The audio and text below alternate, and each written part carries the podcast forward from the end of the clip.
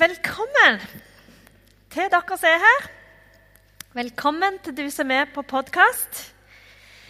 Vi starter jo i dag en uh, ny taleserie som har kalt 'Hva menigheten er kalt til å være og gjøre'. Og i dag er temaet altså, kalt til å være, med den enormt kreative undertittelen 'Del 1'. Og del 2 kommer neste søndag. I den tida som vi er i nå, så vektlegges verdien vår på hva vi presterer. Hva produkt kommer det ut av det vi gjør? Hva får du til å gjøre? Hva har du skapt for noe? Hvem omgås du? Hvor mange har du i nettverket ditt? Du kan hele tida strekke deg lenger, bli litt bedre, litt bedre. Og så nå ditt fulle potensial. Og det er jo på sett og vis bra. Men det kommer an på hva som driver deg. For det er nemlig Vi kan ha nemlig flere usunne motiv som driver oss.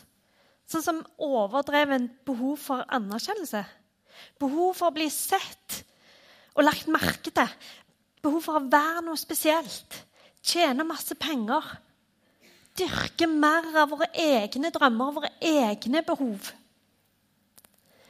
Men det er så viktig å ha den indre tryggheten og roen på at man er elska for den man er, og ikke pga. det man gjør. Hvis ikke så kan man lett få en sånn ubalanse. Det blir usunt, og man kan til og med bli syke. Både åndelig, fysisk og psykisk. Og Jeg har ikke tenkt å dra dere ned i det negative og depressive på denne fantastiske søndagen. Men jeg vil at vi skal vite hva som er vårt viktigste kall. Sånn at drivkraften vår kan være sunn og god. For dypest sett så er du kalt til å være hos Gud. Punktum.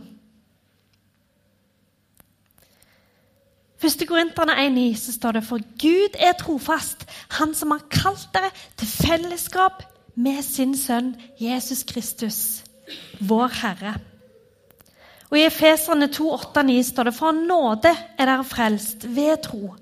Det er ikke deres eget verk, men Guds gave. Det hviler ikke på gjerninger for at ingen skal skryte av seg selv. Det betyr at hvis denne stolen her er troen vår, er frelsen, er nåden Så når man har tatt imot Jesus og tror på han, så er strengt tatt det er ingenting annet du trenger å gjøre enn å sitte på denne stolen. Vær på denne stolen. Vær nær hos Gud. Vær sammen med han. Bli kjent med han. Vær som fuglen på himmelen i sitt rette element. Eller som fisken i havet i sitt rette element. Sånn er vår relasjon med Gud eh, meint å være. At det er vårt rette element. Sitat Edin Løvaas. Vi er i vårt rette element i denne relasjonen med Gud.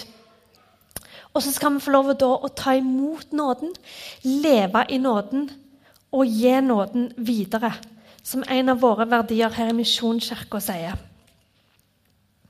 Og I Galaterne 2,20 står det Jeg lever ikke lenger selv, men Kristus lever i meg. Det livet jeg nå lever som menneske, av kjøtt og blod, det lever jeg i troen på Guds sønn, som elsket meg og ga seg selv for meg. Vi er eksperter å finne innvendinger på dette å få lov å sitte i stolen. I forhold til alt vi må gjøre som kristne. Alle de der jammen. Ja, men vi må jo vitne. Ja, men vi må jo utvikle oss som troende. Ja, men vi må jo bry oss om de syke og hjelpe de som trenger det. Ja, men nei. For først og fremst må vi forstå og ta imot hva nåden er. Og ikke rushe videre, bare. Selvfølgelig er det viktig å vise andre hvem Jesus er, og hjelpe andre og alt dette. Men nå setter jeg det på spissen for at vi skal forstå hvor viktig det er at det er nåden i Jesus Kristus som får ta tak i oss, som får lov å drive oss. Og da tror jeg faktisk vi må skrelle av alle burde, skulle, måtte, alle de modale hjelpeverbene. Bare sitt. Bare vær. På flyet sier de 'ta på din egen maske før du hjelper andre'. Hvis ikke du gjør det, så vil din egen mangel på oksygen gjøre at du ikke klarer å hjelpe de andre. At du ikke blir i stand til det.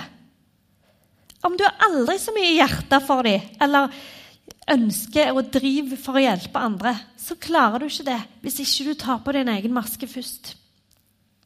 Her må vi faktisk sørge for oss sjøl. At vi evner å ta imot nåden til å leve i nåden før vi gir den videre. Så er vi sikkert på forskjellige steder i livet. Sant? Noen elsker å virke og gjøre, og det er kjempebra. Bare vit at du gjør det ut fra hva du er kalt til å være. Så tror jeg mange av oss har lett for å lage oss en tro som er dynka i denne tidsånda, nemlig prestasjon. Vi tror at vi må gjøre noe for at Gud skal ville være sammen med oss, for at Gud skal ville velsigne oss, for at han skal ville møte oss. Men du kalte å være, du kalte å sitte og ta imot og leve i nåden. Ikke prøv å reise deg før du vet at du har tatt imot nåden. At du vet at du kan få lov å leve i nåden.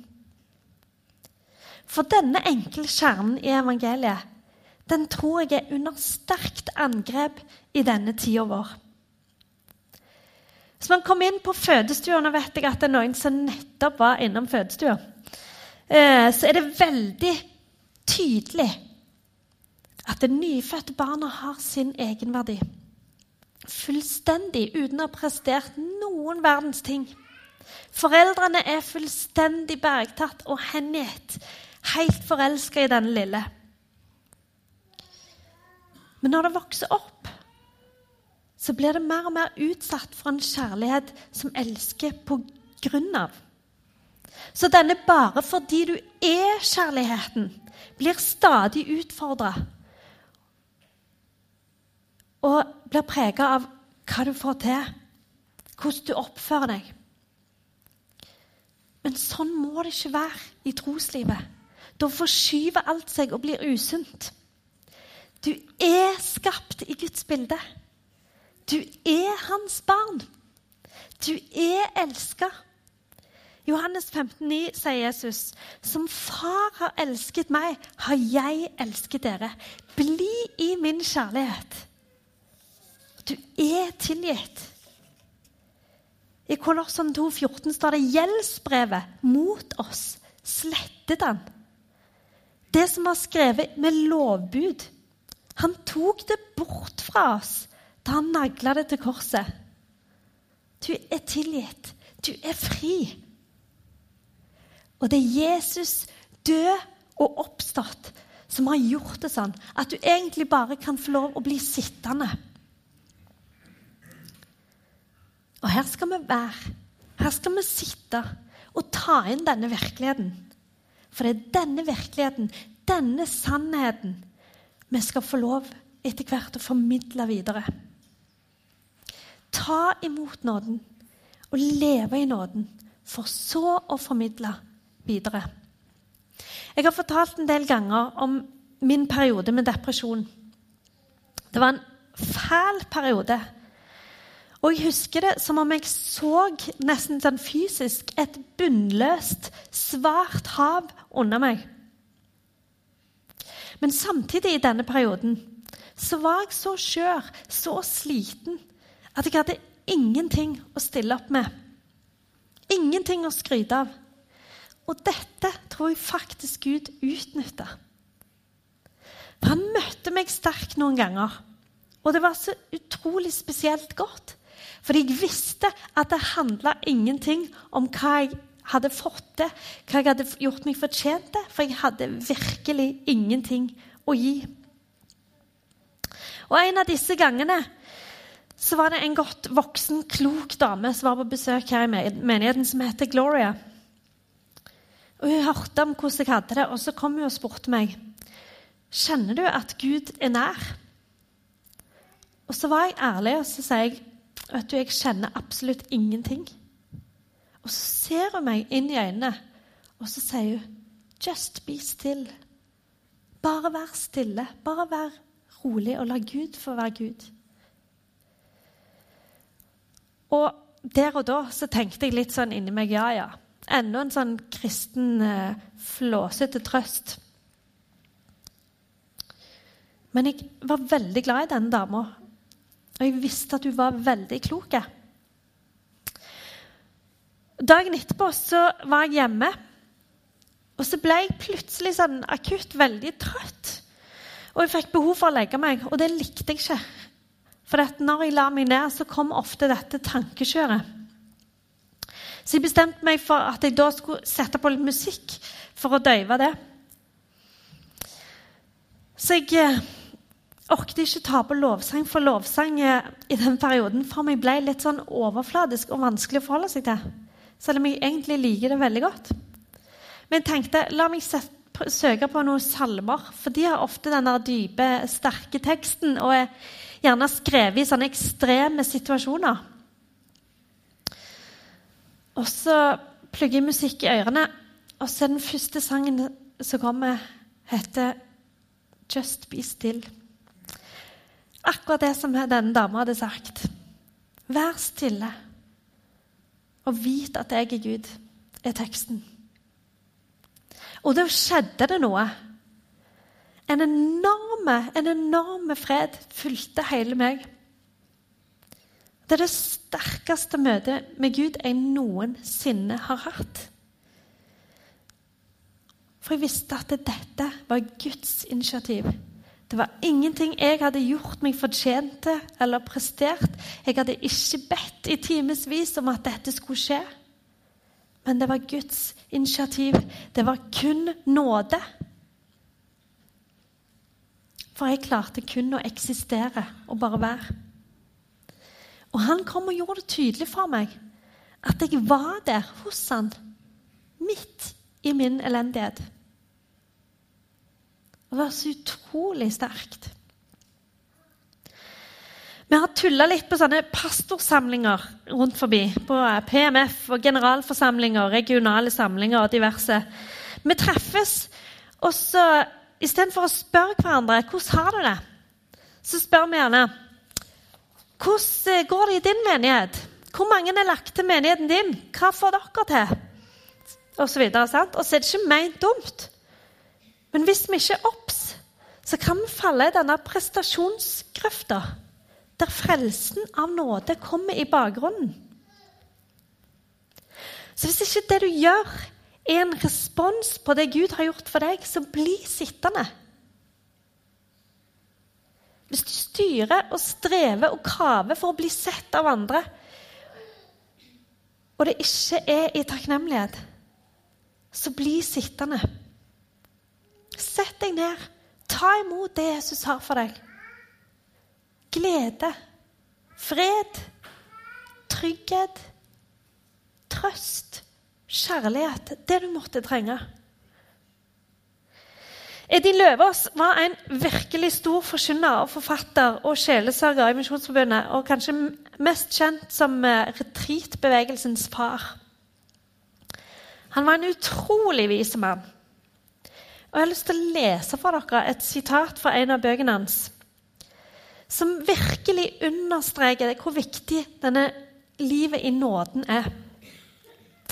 Han sier jo da, vi skal gå i kirken og høre ordet forkynt. Vi skal ta imot Det hellige sakrament, altså nattverden. Vi skal leve sammen med andre troende i menighetsfellesskapet og vi skal kjempe for dem som lider av nød. Men det aller innerste rom i det kristne livet er vennskapsrommet. Det er den hemmelighetsfulle kjærlighetsstien. Og merk at det er en mann som skriver dette. Hvor Jesus går sammen med sine venner. Og så skriver han Høres dette sentimentalt ut i dine ører? Da har du ikke forstått noen ting. Da har du ikke fatta det fundamentale. Da vet du ikke hva hverdagskristendom er for noe. Det vi kaller sentimentalt, er jo falskt og uekte. Det er søtt og kliss. Vennskap med Jesus, derimot, er det aller sterkeste som fins. Det er det mest holdbare som eksisterer. Det er nemlig ikke grunnet på tilfeldig føleri, men på kjærlighet. Og Guds kjærlighet, som i Bibelen kalles agape, er det aller sterkeste og sikreste som finnes. Denne kjærligheten får du nemlig ikke fordi du fortjener den, men fordi Jesus Kristus er kjærlighet, og det er hans vesen å elske. Vi er kalt til å være hans barn, og det er så gode nyheter. For ellers i samfunnet handler det om hva man kan få ut av deg. Hva nytte du kan gjøre. Hva produkt kommer du med? Se, her har vi verdens beste budskap. Velkommen til å være hos Gud, til å sitte på denne stolen. Punktum til å ta imot og leve i nåden. Så kan vi ut fra det få respondere og tjene og formidle. Men ut for takknemlighet over hva man har fått, ikke hva man burde. Jeg kjenner på at mange styres av disse modale hjelpeverbene at mange av oss har dratt det med seg inn i gudsrelasjonen. Og i dag tror jeg faktisk Jesus Kristus inviterer deg til å bare sette deg og ta inn over deg hva han har gjort for deg. Hvor høyt han elsker deg. Ikke fordi du har gjort noe spesielt, eller ikke gjort noe spesielt, men fordi hans vesen er å elske. Og Skal vi nå denne byen med evangeliet, så er det kjempeviktig at vi alltid har klart for oss hva kjernen i evangeliet er. Frelst av nåde, ikke gjerning. Sitt, sitt. Hvis vi mangler erfaring og forståelse på Guds nåde, så tror jeg ikke vi når noen mennesker. For hva slags evangelie er det da vi formidler? Men vi skal få ta imot. Vi skal få leve i nåden. Sånn at det er den vi formidler videre. Så tenker du kanskje at jeg aner ikke hvordan jeg skal gå fram for å bare være hos Gud, eller sitte sånn ned og ta imot nåden. Og helt praktisk så tenker jeg at finn et sted der det er fred og ro. Kanskje nede på bønnerommet etterpå. Eller kanskje ute i naturen, i skog, i fjellet. Eller et eller annet uforstyrra sted der du på en måte kan ta en liten prat med Far i himmelen. Si at du ikke orker å streve mer for å oppnå hans kred. Be han vise deg mer av nåden sin. Be om at han skal få lov til å komme inn i dette innerste vennskapsrommet og gå på denne kjærlighetsstien sammen med deg. Finn din naturlige måte å finne hvilepulsen sammen med Jesus, der det ikke er noe krav og stress. Og Hvis du tenker at dette er for de som er sånn introverte og elsker friluftsliv og den slags, så er det desto mer til deg. Hvis du finner eller kategoriserer nå på noen som helst måte å logge ut, så er det iallfall til deg. For dette gjelder alle.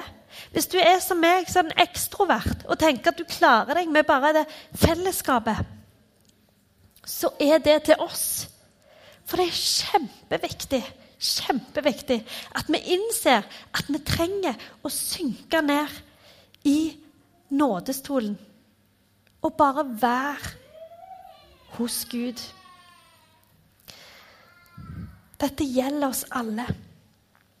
Å legge av de modale hjelpeverbene.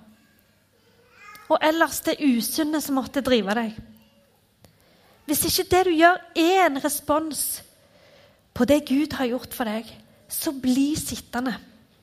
Finn steder og måter der du kan ta imot og leve i Guds nåde, i et nært vennskap med Jesus. For det vennskapet er det sterkeste som fins, og det mest holdbare som eksisterer. Skal vi be? Himmelske Far, jeg takker deg for nåden. Jeg takker deg for at vi skal få lov til å sette oss ned og bare få lov til å være hos deg. Jeg ber om at du skal møte hver og en her i dag.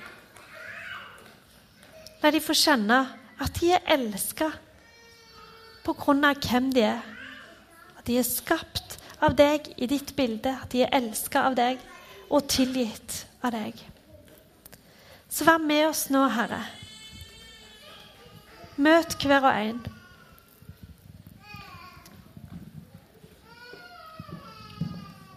Kom, Helligånd. Jeg ber i Jesu navn. Amen.